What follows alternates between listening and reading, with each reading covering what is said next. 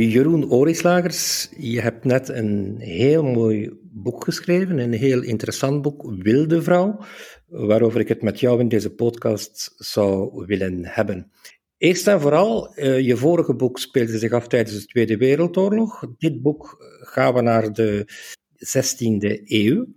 Het eh, enige gelijk, gelijkpunt is dat de beide boeken zich afspelen in de stad die jou zeer dierbaar is, Antwerpen. Maar hoe kom je in die 16e eeuw terecht? Goh, ik, de laatste jaren sowieso, uh, de, vooral voor mijn proza-werk uiteraard, zit er in het ene boek het andere boek. Heb ik altijd het gevoel. Het ene boek leidt naar het andere boek. Dat is zeker voor de romans uh, die ik heb geschreven, die beginnen met de letter W. Misschien is dat zelfs de reden waarom dat ik ze nog altijd onder die letter W catalogeer, omdat, omdat die boeken met elkaar verbonden zijn op een of andere manier. En soms is die link natuurlijk heel, uh, ja, voor sommige mensen heel onduidelijk, soms is hem heel duidelijk. In Wil komt er een stuk voor waarin dat Wilfried Wils, het hoofdpersonage, ook de verteller van het boek, uh, het heeft over de Dulle van Pieter Breugel de Oude. je weet dat dat schilderij in Maier van den Berg staat, in het Antwerps Museum Maier van den Berg. Ja. En Wilfried Wils vraagt zich af, um, hij heeft het op dat moment geloof ik ook over Antwerpen 93, heel die campagne toen van kan kunst de wereld redden. En, uh, het is in die periode dat hij begint te vertellen, dat hij ook terugblikt op zijn leven. En hij vraagt zich gewoon af, ja, uh, zou het niet beter zijn dat we de Dulle Griet als een soort van embleem gebruiken voor deze stad? En hij laat dat een beetje hangen. Uh, vervolgens, uh, als hij terugblikt, tientallen bladzijden verder, en hij beschrijft een razzia waar hij als politieagent aan deelneemt, maakt hij een soort hij trekt een, een, conclusie en eigenlijk zijn die conclusie vragen. En een van die vragen is, um, heeft weer met het Dulle te maken. En heeft met zijn eigen positie te maken. Namelijk, um, het fascinerende van het schilderij, hè, dat is natuurlijk wat ik zelf ook vind van dat schilderij, is wie is hier waanzinnig? Is de wereld waanzinnig of is die Dulle waanzinnig? Is de, is de, is, is de Dulle heeft de Dulle mee die waanzin veroorzaakt of is zij getuige ervan en is zij daardoor getraumatiseerd? Dus dat is hetgeen dat Wilfried Wils zich afvraagt als hij, nadat hij heeft deelgenomen aan een razzia op Joodse medemensen in Antwerpen in 1942. Dus dat zat erin, in Wil. En um, nadat Wil was uitgekomen, zag ik eigenlijk Antwerpen alleen nog maar door het prisma van de Tweede Wereldoorlog. En dat was natuurlijk mijn, dat was een probleem, omdat ik natuurlijk ook wel besefte dat Antwerpen nog een, een hele grote, brede, rijke geschiedenis heeft die niks met die Tweede Wereldoorlog te maken heeft. Daarom ben ik via de Dulle Griet in die 16e eeuw geduikeld. Kijk, de vraag die ik altijd stel met betrekking tot een stad. Voor mij is een stad, en ik denk dat de lezers van Wil dat ook wel weten, en ik hoop de lezers van Wildevrouw dat ook voelen. Een, een stad is voor mij een heel organisch gegeven. Zie je? En dat organisch gegeven, dat wil dus zeggen dat het, dat, het, dat het een wezen is. En dan vraag ik me af, wat is het verleden van dat wezen? Wat, heeft, wat is er gebeurd in het verleden dat dat wezen tot dit wezen heeft gemaakt? Want ik ben er echt van overtuigd, en ik ben natuurlijk niet de enige, dat is ook een soort van cliché dat we hebben over geschiedenis, is dat wat ons vormt even belangrijk is als waar we naartoe gaan. Vandaar dat ik, uh, ja, vandaar dat ik in de 16e eeuw ben uitgekomen. Maar die 16e eeuw is natuurlijk een, een, een heel um, belangrijke periode. Ik heb altijd gesteld dat 1585, de val van Antwerpen, het keerpunt is. Um, wat jij in feite doet, is de momenten schetsen naar 1585, naar de val van Antwerpen. Mm -hmm. En jij doet dat je hoofdpersonage, Beer, die in feite de hele woelige geschiedenis uh, van Antwerpen in die 16e eeuw uh, symboliseert. En uiteindelijk zijn verhaal vertelt vanuit Amsterdam. Hij is gevlucht mm -hmm. en hij zit in Amsterdam, waar hij nog niet weet dat hij waarschijnlijk gaat deelnemen aan, aan de Gouden Eeuw, aan aan de rijkste periode van Amsterdam, die veroorzaakt is door die geweldige vloed van vluchtelingen uit het uh, zuiden. Dus jij kijkt toch terug op, uh, met Beer kijk je terug op, op een heel dramatische evolutie van Antwerpen in de 16e eeuw. Ja, dat klopt. Het is natuurlijk ook een soort van ironie die ik, die ik in het boek zet. Net wat jij schetst. Namelijk dat Beer niet weet wat er gaat gebeuren in Amsterdam, wat er gaat gebeuren in die volgende eeuw. Ja, dat vind ik natuurlijk ook een, een, een heel aanlokkelijke gedachte. Dat is, dat is dat hij van de ene gouden eeuw, zogenaamde gouden eeuw, in die andere gouden eeuw duikelt. Hè. Mocht hij de, het geluk hebben om, om een lang en hopelijk dan nog rijk gevuld leven te leiden, nadat hij ons het verhaal van Wildevrouw heeft verteld. Dus dat is, dat is zeker zo. Het is een dramatische periode. Je mag het ook niet vergeten. Uh, het is te zeggen, dat is, het, het, cliché is natuurlijk ook, het is, zoals je zegt, de val van Antwerpen. Uh, er zijn de, de, exodus van de Antwerpenaren naar Amsterdam, onder andere naar Amsterdam. Want er zijn er ook veel naar Engeland gegaan, bijvoorbeeld, omdat ze daar ook ja, zielsgenoten vonden. Um, maar onder andere naar Amsterdam.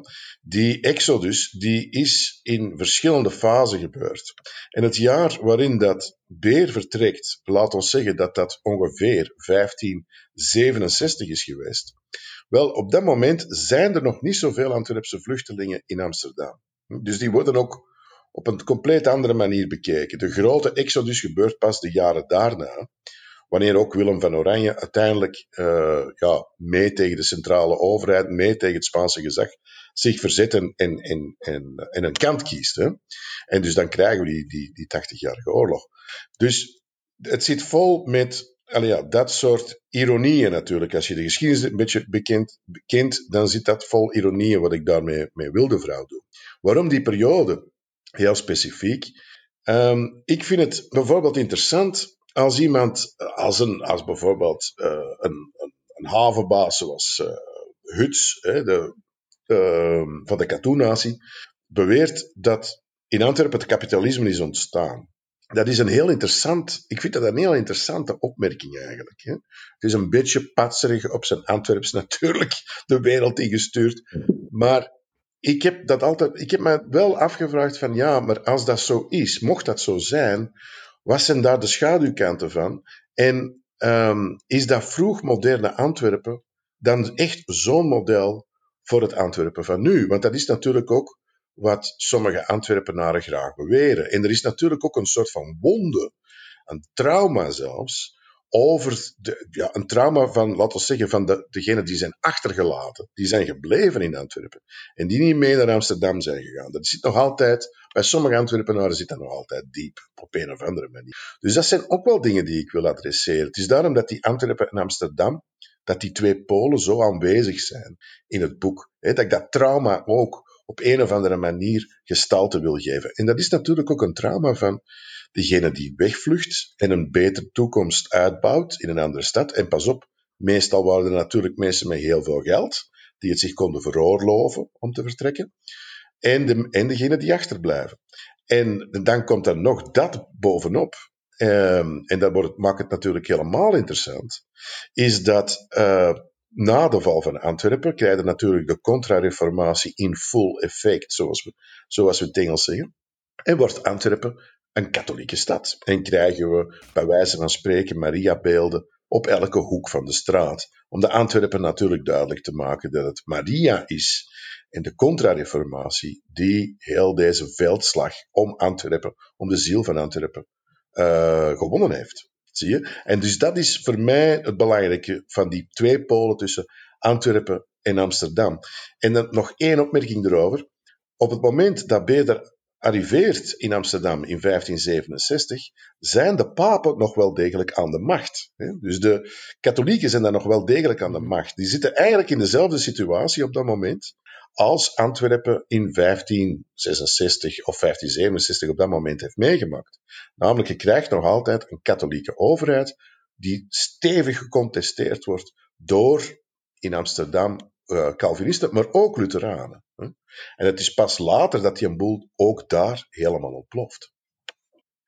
Wat ik zo fascinerend vind aan de manier waarop je de stad Antwerpen schetst in die, in die 16e eeuw, is dat het eigenlijk een verhaal is eh, dat heel optimistisch begint, waarbij je Antwerpen in volle glorie ziet. Als een stad waar alles gedetermineerd wordt door de handel. Dus een zeer, zeer dynamisch uh, kapitalisme, zoals Huts dat waarschijnlijk bedoelt. Mhm. En dan begint die langzame aftakeling. Je ziet dan een stad waar er, um, zoals je zelf schrijft, de eenheid uit elkaar valt. Mhm. um, waar uh, er een vreselijke periode aanbreekt, gekoppeld aan een hongersnood door een heel strenge winter, waardoor de Schelde bevriest. En je ook dat symbolisch beeld heel goed schetst van die bevroren schepen. En dan een tweede heel traumatiserend evenement, de, de Spaanse furie, waarbij niet betaalde soldaten op de stad worden losgelaten en die stad als het ware verkrachten. Maar het is dus eigenlijk een soort der ondergang van de stad, die, als je denkt aan het begin, hoe het, het Beer is ook een heel op zijn gemak. Het is een vrolijke figuur, een herbergier. Iedereen komt in de herberg. Dan is het groot feest van het, van het landjuweel. Alles lijkt daar voor het beste, de beste wereld die er, die er kan bestaan. Met ook een merkwaardig evenwicht. Een Spaanse koning die niet veel kan doen, omdat hij in de handen is van zijn schuldenaren, de bankiers. En dan begint die mhm. langzame aftakeling. Dat is uh, zeer indrukwekkend. Dank u. Het, het, het, is, ben, ik ben eigenlijk geïnspireerd geraakt door een gravure die ik zag. Um, ik ben nu de naam van de kunstenaar kwijt. Het was niet, het was niet zo'n belangrijke figuur uit de 16e eeuw. Die, en dat was een heel eenvoudig zicht op Antwerpen van op linkeroever. Dus je ziet de Onze Lieve Vrouwtoren uh, en nog een paar torens. Hè. Er zijn er op dat moment 50 in Antwerpen.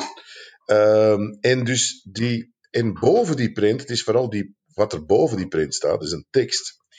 En uh, die gaat als volgt: Looft de God van al en drink de wijn en laat de wereld de wereld zijn.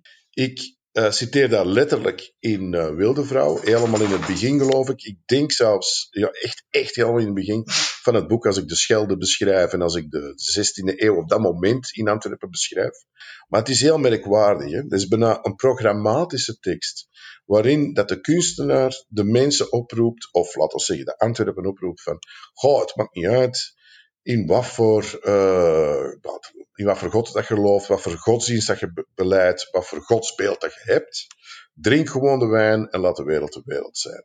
En langs de ene kant is dat een zeer aanlokkelijk idee, en langs de andere kant, in 1561, is dat natuurlijk al een vrij gecontesteerde uitspraak, het is te zeggen een heel arrogante uitspraak, waarin dat Antwerpen zich eigenlijk afzet van de godsdienstspanningen die er al bezig zijn op dat moment. Antwerpen lijkt op dat moment, in 1561, daar enigszins gevrij, gevrijwaard van te blijven. Dus ik had dat beeld nodig van dat heel succesvolle Antwerpen. Er is, omdat er ook een schaduwzijde aan succes is, en dat is altijd. Als, je, um, als mensen beginnen, nu ook in onze tijd, als ze beginnen over economische groei, dan is er altijd ook een schaduwzijde. Er zijn altijd mensen die niet deelnemen aan die groei. Er zijn altijd mensen die uit de boot vallen vanwege die groei. En er zijn ook een heleboel dingen die niet aan de orde komen, juist vanwege de groei. Dus uh, armoede bijvoorbeeld is daar toch een, een perfect voorbeeld van. Um, en dat is natuurlijk iets wat je Huts niet hoort zeggen. Hè. Dat, dat, dat, hoort er, dat hoort er ook gewoon bij. Dus dat, die, dat de kloof tussen rijk en arm alleen maar groter wordt, dat hadden ze natuurlijk in, in, in Antwerpen op dat moment niet noodzakelijk door in 1561. Integendeel, moet je voorstellen hoe die handel geglorieerd heeft. Bovendien uh, maken we op dat moment een stad mee, waarin dat er geen verschil is tussen haven en stad. Dat loopt allemaal naadloos in elkaar. In het huidige Antwerpen uh, zijn de Antwerpenaren natuurlijk compleet, bedoel, wat er in de haven gebeurt, is enkel voor de mensen die er werken. Maar uh, de Antwerpenaren zien helemaal niet wat daar gebeurt. In de 16e eeuw gebeurt dat wel. Dus die handel en die rijkdom die de handel brengt en al de dingen die over al die continenten worden aangesleept en verhandeld op de Antwerpse markten, al die dingen samen vormen natuurlijk ook een schouwspel. Een schouwspel voor de doorsnee Antwerpenaar. En dan ben je natuurlijk al, op dat moment ben je eigenlijk al een heleboel dingen aan het verdringen. Hè? Want je denkt gewoon van, oh, we zijn er fantastisch goed bezig. Uh, wat, wat voor boten komen er nu weer binnen? Hoeveel mensen worden er niet rijk? Wat, wat ook een feit was. Maar er worden natuurlijk ook mensen uitgestoten. En de kloof tussen rijk en arm wordt groter. Het wordt, de huurprijzen stijgen. Uh, voor iemand, voor een hele gewone havenarbeider was het natuurlijk onmogelijk om een huis te kopen. Maar het werd hem ook moeilijk gemaakt om een huis te huren. Dus je kreeg sociale onvrede. En die onvrede, dat ontploft natuurlijk vanaf het moment dat die handel helemaal stilvalt. En dan krijg je dus natuurlijk die verschrikkelijke winter, waar die schelde dichtvriest. En dan wou ik zo detail mogelijk, met zoveel details, uh, weergeven, zodanig dat de lezer het echt zou voelen. En waarom heb ik dat gedaan? Niet enkel voor hetgeen wat ik nu net heb, uitgelegd, om iets duidelijk te maken, wat, dat, wat laten we zeggen, de verborgen verscheurdheid van zo'n stad kan zijn, ook al is ze een bloeiende metropool. Maar tegelijk ook, uh, het is Pieter Bruegel de Oude die de winterlandschap, het winterlandschap eigenlijk populair heeft gemaakt. Denk maar aan de jagers in een winterlandschap die terugkeren, onverrichte zaken overigens. En heel die iconografie, heel die, beeld, dat, dat, die beeldtaal die Breugel daar introduceert, is nu voor ons een cliché geworden. Het is iets gezelligs. Oh, die, die, die strenge winters, fantastisch gezellig. Die mensen, die jagers die terugkeren van de jacht. Maar dat was natuurlijk een bittere realiteit voor Breugel. En het is dat ook dat ik heb proberen weer te geven in mijn boek. Dat die, dat die winterlandschappen, dat de, de, de, de ijspret, dat dat, dat snel iets anders wordt. Namelijk mensen die doodvriezen in de straten van Ja, uh, je bent absoluut niet bang van details en ook van gruwelijke details. Het is niet alleen die uh, vreselijke winter die je heel omstandig beschrijft, uh, maar ook enkele scènes die bijna ondraaglijk zijn omdat ze zo vreed zijn. Ik heb het dan over een heel gedetailleerd verslag van een, um, drie jonge mannen die geradbraakt worden. Ik moet zeggen dat ik twee, twee jonge ergens een beschrijving heb. Twee jonge mannen, sorry twee jonge mannen die geradbraakt worden, uh, met een beschrijving. Ik heb nooit geweten wat eigenlijk radbraak juist inhield, gelukkig. Nu weet ik het wel. Ik vond het bijna ondraaglijk. Uh, dezelfde zin voor detail heb je ook bij de Spaanse Furie, dat voor mij nu ook een, een, een duidelijke, concrete invulling heb gekregen. Zoals radbraken of Spaanse Furie, dat zijn woorden.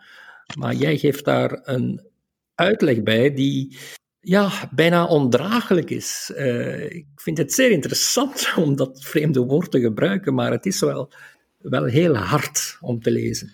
Ja, ik kom, dat, ik, ik kom die commentaar wel meer tegen, zeker over het radbraken. Um, en ik begrijp ook, maar ik, ik doe het niet. Wel, ik doe het wel om te chockeren, maar daar heb ik een, daar heb ik een bedoeling mee.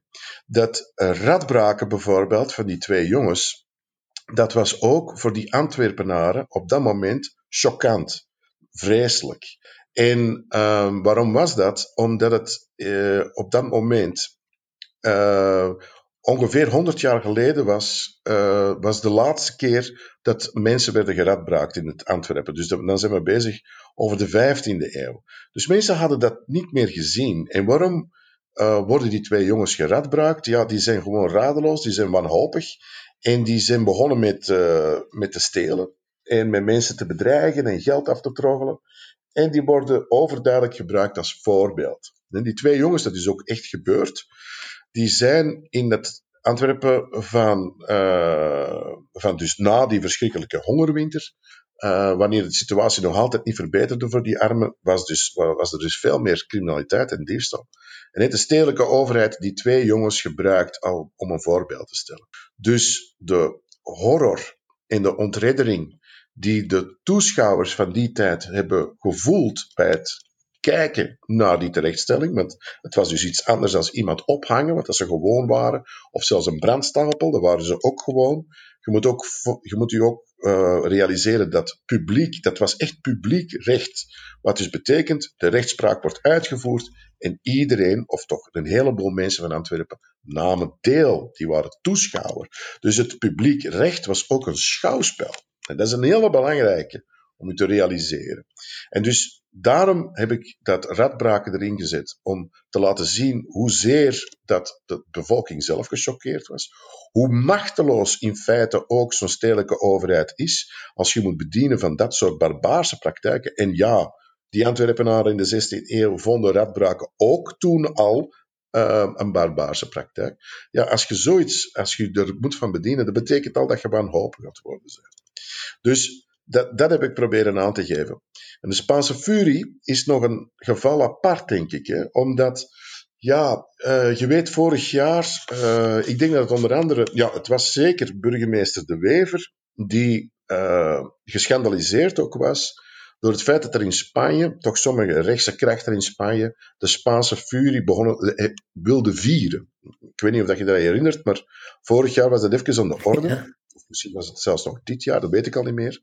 Tegelijkertijd, uh, ik ben samen met Stef Frank, mijn onderzoeker, wij zijn er toch op uitgekomen dat, ja, dat de Spaanse furie een slachtpartij was, maar dat die slachtpartij, dat dat in feite begon als een veldslag. Zie je? Dus die Spanjaarden, ik ben die Spanjaarden eigenlijk ook beginnen begrijpen. Ik, ben, ik, ik keur het niet goed, want het was een verschrikkelijk bloedbad. Maar langs de andere kant begrijp ik nu ook de psychologie van de Spanjaarden. Van die, die de Spaanse furie als een veldslag beschouwen, terwijl wij het natuurlijk als een bloedbad beschouwen. Beide heb ik ook daar in die scène proberen duidelijk te maken. En ik denk ook natuurlijk binnen het boek is, het, is de Spaanse furie de ultieme afrekening van de hoogmoed van de Antwerpenaren en vooral de verdeeldheid van de Antwerpenaren. Ja, maar zowel uh, de scène van de radbraak als de furie staan ook in scherp contrast met die heerlijke sfeer van in het begin van het boek. Het, is dus, het zijn voor mij keerpunten waar je dus naar een heel andere wereld gaat. In, de eerste, in het eerste deel van het van je verhaal uh, heb je het gevoel dat, dat Antwerpen een, een, modus vivendi heeft gevonden die, die zeer aantrekkelijk is, waarbij de handel dus alles, alles regeert en waarbij er een soort tolerantie is. Uh, het bestuur laat oogluikend dingen toe. Uh, en de Spaanse koning kan niet veel doen, omdat hij afhankelijk is van zijn financiers uit Antwerpen. Dus mm -hmm. dat, is een zeer aantrekkelijke stad waar je echt denkt van ja, hier zou, ik, hier zou ik wel willen wonen. Ja. En dan kantelt dat. En het is dat kantelmoment dat zo vreselijk is. Ik begrijp dat volkomen, maar langs de ene want het is natuurlijk een heel aantrekkelijke stad, want er gebeurt verschrikkelijk veel. Um, er zijn ongelooflijk veel uh, drukkers, de boekdrukkunst is zeer aanwezig, er is natuurlijk behoorlijk wat rijkdom. Tegelijkertijd is het natuurlijk heel merkwaardig hè, dat de Spaanse koning, Philips, die in het boek Spaanse Philip wordt genoemd, dat Philips um, ja, tegelijkertijd de zedenmeester wilt uithangen, net zoals zijn vader dat heeft gedaan, Karel V. Um, maar de Antwerpenaren beseffen, ja, maar in feite heeft hij ons meer nodig dan wij hem. En, en dan ontstaat er inderdaad een evenwicht. Een evenwicht dat volgens mij veel te zeggen heeft over twee verschillende wereldbeelden. Het is te zeggen, of twee verschillende dimensies zelf. Die Philips, die, probeert een gigantisch rijk nog altijd te bestieren, wat verschrikkelijk moeilijk is. Want dat rijk bestieren betekent dat je huurlingen moet aannemen. Want elke keer dat er een stad of een regio in opstand komt, moeten er naartoe gaan en moeten er troepen naartoe sturen. Met welk geld we dat betalen? Wel, bankiers geven krediet. Hè? Dus, maar dat krediet moet op een bepaald moment worden terugbetaald. Dus de, heel dat rijk, er bestaat ook, een, als ik me niet vergis, een correspondentie die eigenlijk vrij grappig is. Dus Philip stuurt een brief, een missieve naar de stad Antwerpen met de vraag om de taxen te verhogen. Um, Antwerpen doet dat onmiddellijk, maar stuurt een brief terug waarin dat ze vragen van, ja, we hebben dat gedaan, we hebben die taxen verhoogd, maar mogen we vragen waarom? Waarop dat Philip zegt... dat? Ja, waarom, waarom moeten we dat doen? Wat eigenlijk al ongelooflijk arrogant is. Waarop dat Philip zegt, wel, kijk, ik moet oorlog voeren. Uh, de, de, de, bewoners van Milaan uh, ze zijn een opstand aan het voorbereiden. Ik moet daar een leger naartoe sturen. Waarop dat de Antwerpenaren een brief terugsturen en duidelijk maken van, zouden daar niet beter handel mee voeren? in plaats van troepen te sturen.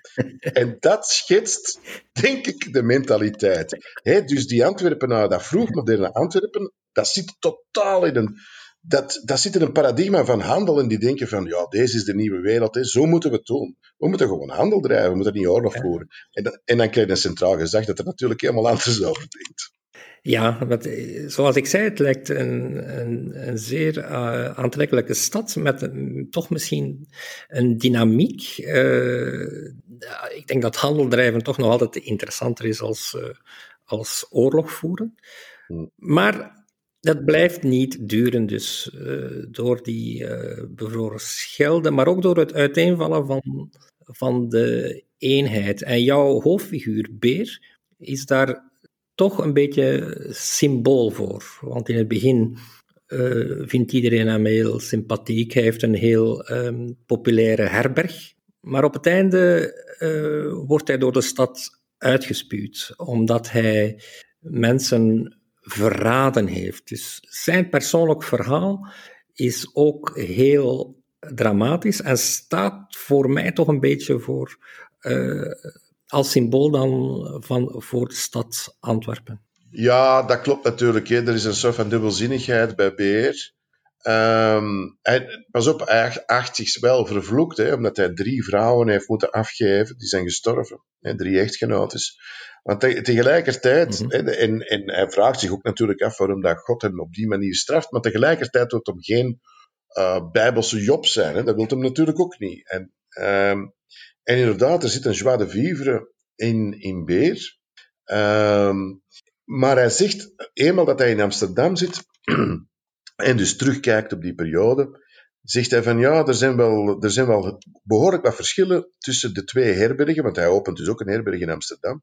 En, um, en hij maakt duidelijk van in Amsterdam hoef ik geen vriendschap meer. En dat is denk ik ja, een belangrijk ding uh, wat Antwerpen ook op dat moment zo kenmerkt. En met vriendschap, eigenlijk moeten we dat uitbreiden en, en met een modern woord, uh, door een modern woord vervangen, namelijk netwerken. Daar gaat het eigenlijk over, het netwerken.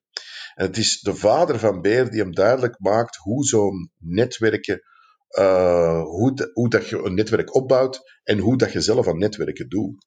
We weten van de herbergiers in Antwerpen, zeker in die bloeiende periode, en dus de, zeker van de generatie van Beers en vader, dat die herbergiers echt de verbindingspersonen waren in een stad. Dat die dus hun klanten, hun buitenlandse klanten, Italianen, Spanjaarden, Duitsers, maakt het niet uit, dat die die in contact bracht met bijvoorbeeld bankiers, met scheepsverzekeraars, die gingen naar de, naar de meer, die gingen daar, uh, ja, die, die, die zorgden ervoor dat die twee werelden elkaar ontmoeten. Hè? Dat die handelaars en die bankiers, die scheepsverzekeraars en al de mensen die daar in de periferie rondliepen, dat die daar in de beurs, uh, in het beursgebouw, dat die elkaar ontmoeten. Dat waren de herbergiers.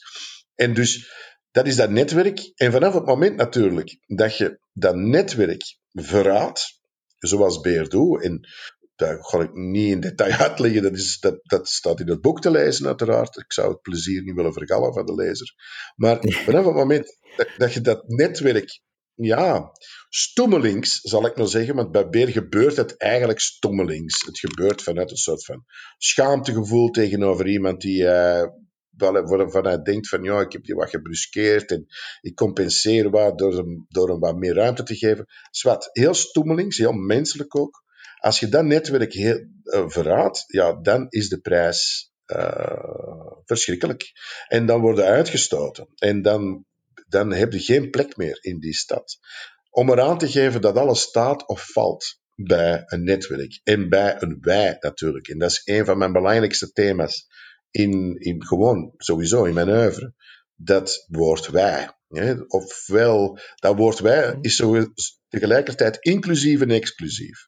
Dus het inclusieve van het wij is heel plezant. Dat kan een gezin zijn, uh, dat kan een bedrijf zijn met best allen, dat kan een samenleving zijn, dat kan een natie zijn, een identiteit. Hè. Maar om die wij fatsoenlijk te laten functioneren, op een of andere manier, moeten we ook altijd weer mensen uitsluiten. Niet van bij het begin, niet, maar we hebben dus poortwachters nodig.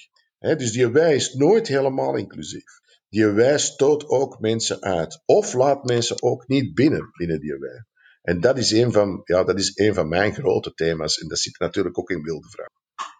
Ja, bijvoorbeeld uh, met de beslissing van Willem van Oranje om de stad af te sluiten en dus de Antwerpenaars te verhinderen om de geuzen die aan het vechten zijn uh, ten noorden van Antwerpen, om die te gaan, om die te gaan steunen. Die figuur van Willem van Oranje, die een belangrijke rol uh, speelt in je boek, hoe kijk jij daar tegenover aan?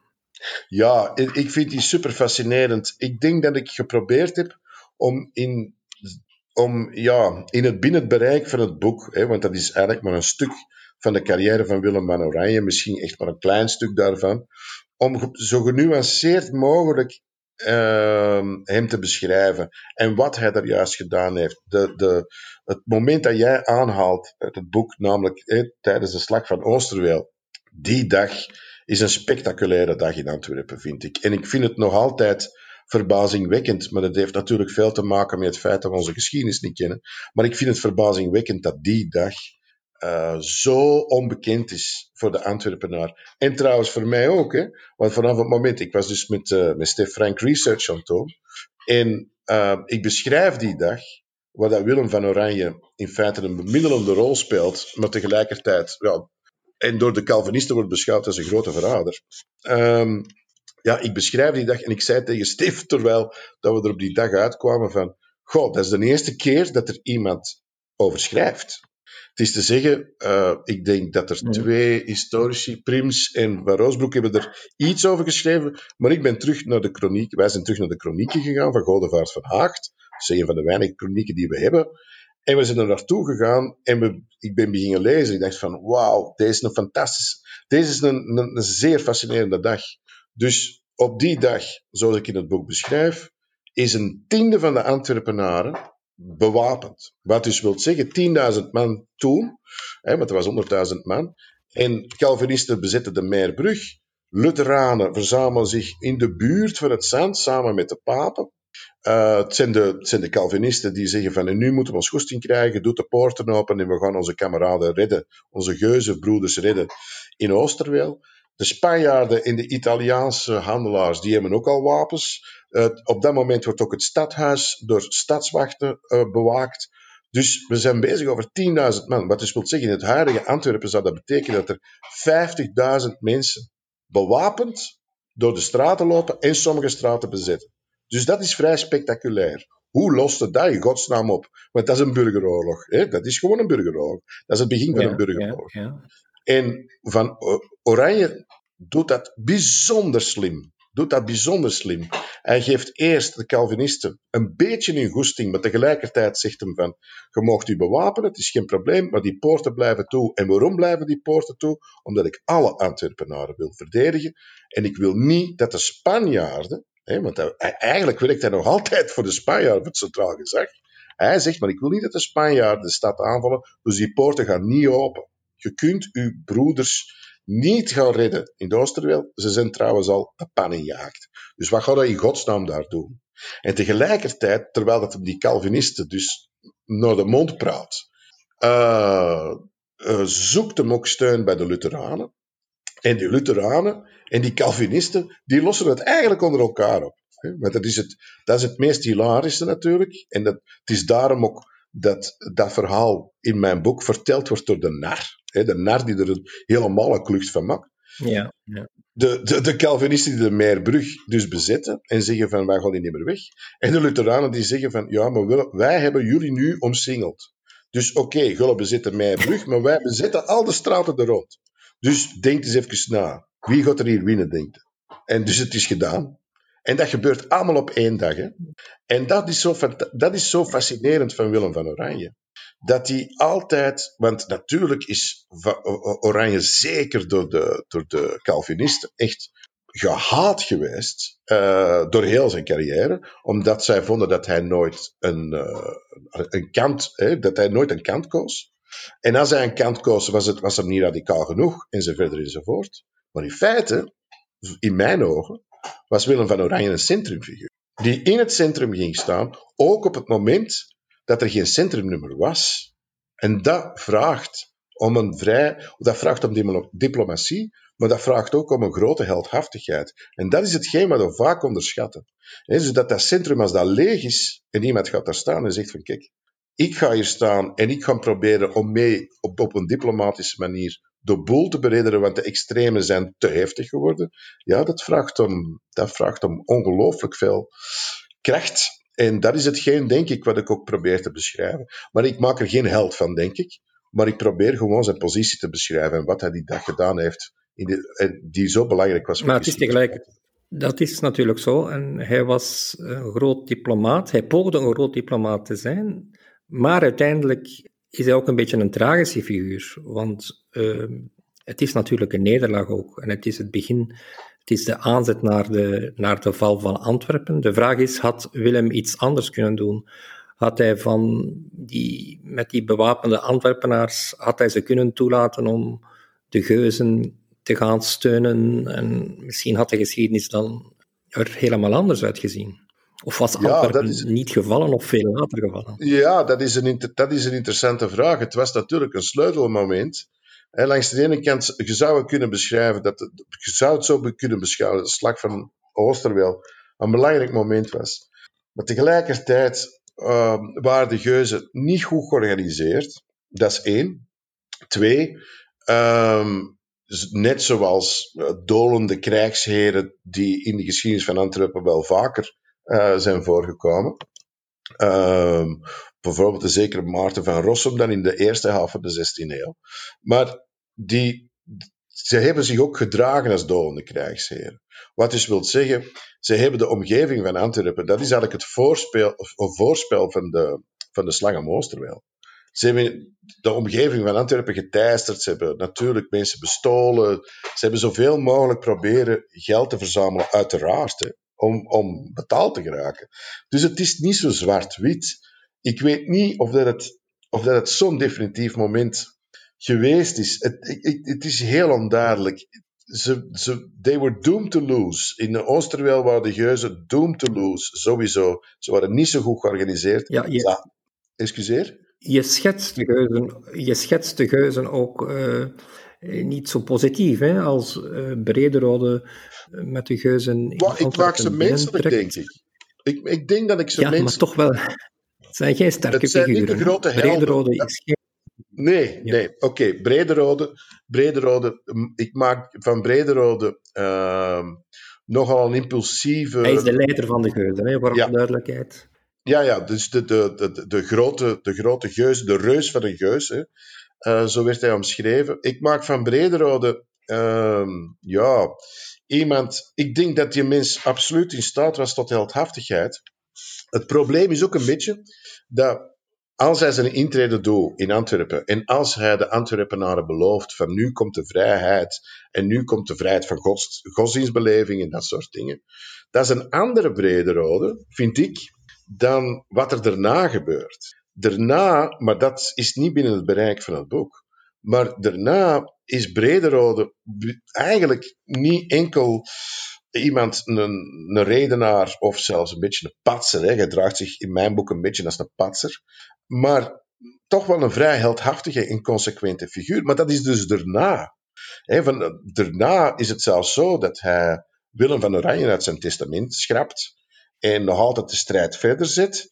Um, maar eh, bijvoorbeeld in Oosterweel is hij er niet. Hè? Dus Brederode is niet in Oosterweel. Hij laat die, hij laat die veldslag uitvechten, maar hij is op een, hij is op een afstand. Hè.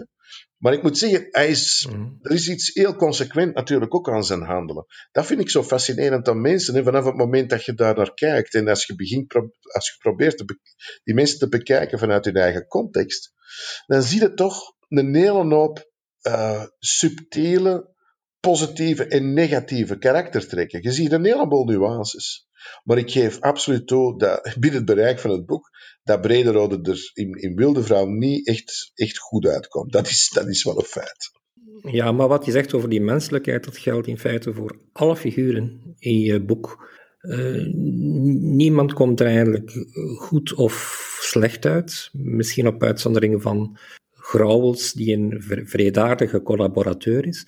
Maar voor de rest zijn er weinig helden in je boek, vind ik. Het zijn allemaal, allemaal mensen die proberen er het beste van te maken met hun kleine kantjes en, en met hun heldhaftige momenten. Dat geldt ook voor je hoofdfiguur, Beer, die, uh, die ook maar een mens is. En, die, en die, zijn verraad is ook. Uh, ik heb soms het gevoel, als ik het las, dat hij het niet echt beseft. Dat hij gewoon, zoals een herbergier, met iedereen een beetje praat en niet goed weet welke kant hij moet uitgaan. En, ja, mm zeer, zeer menselijk.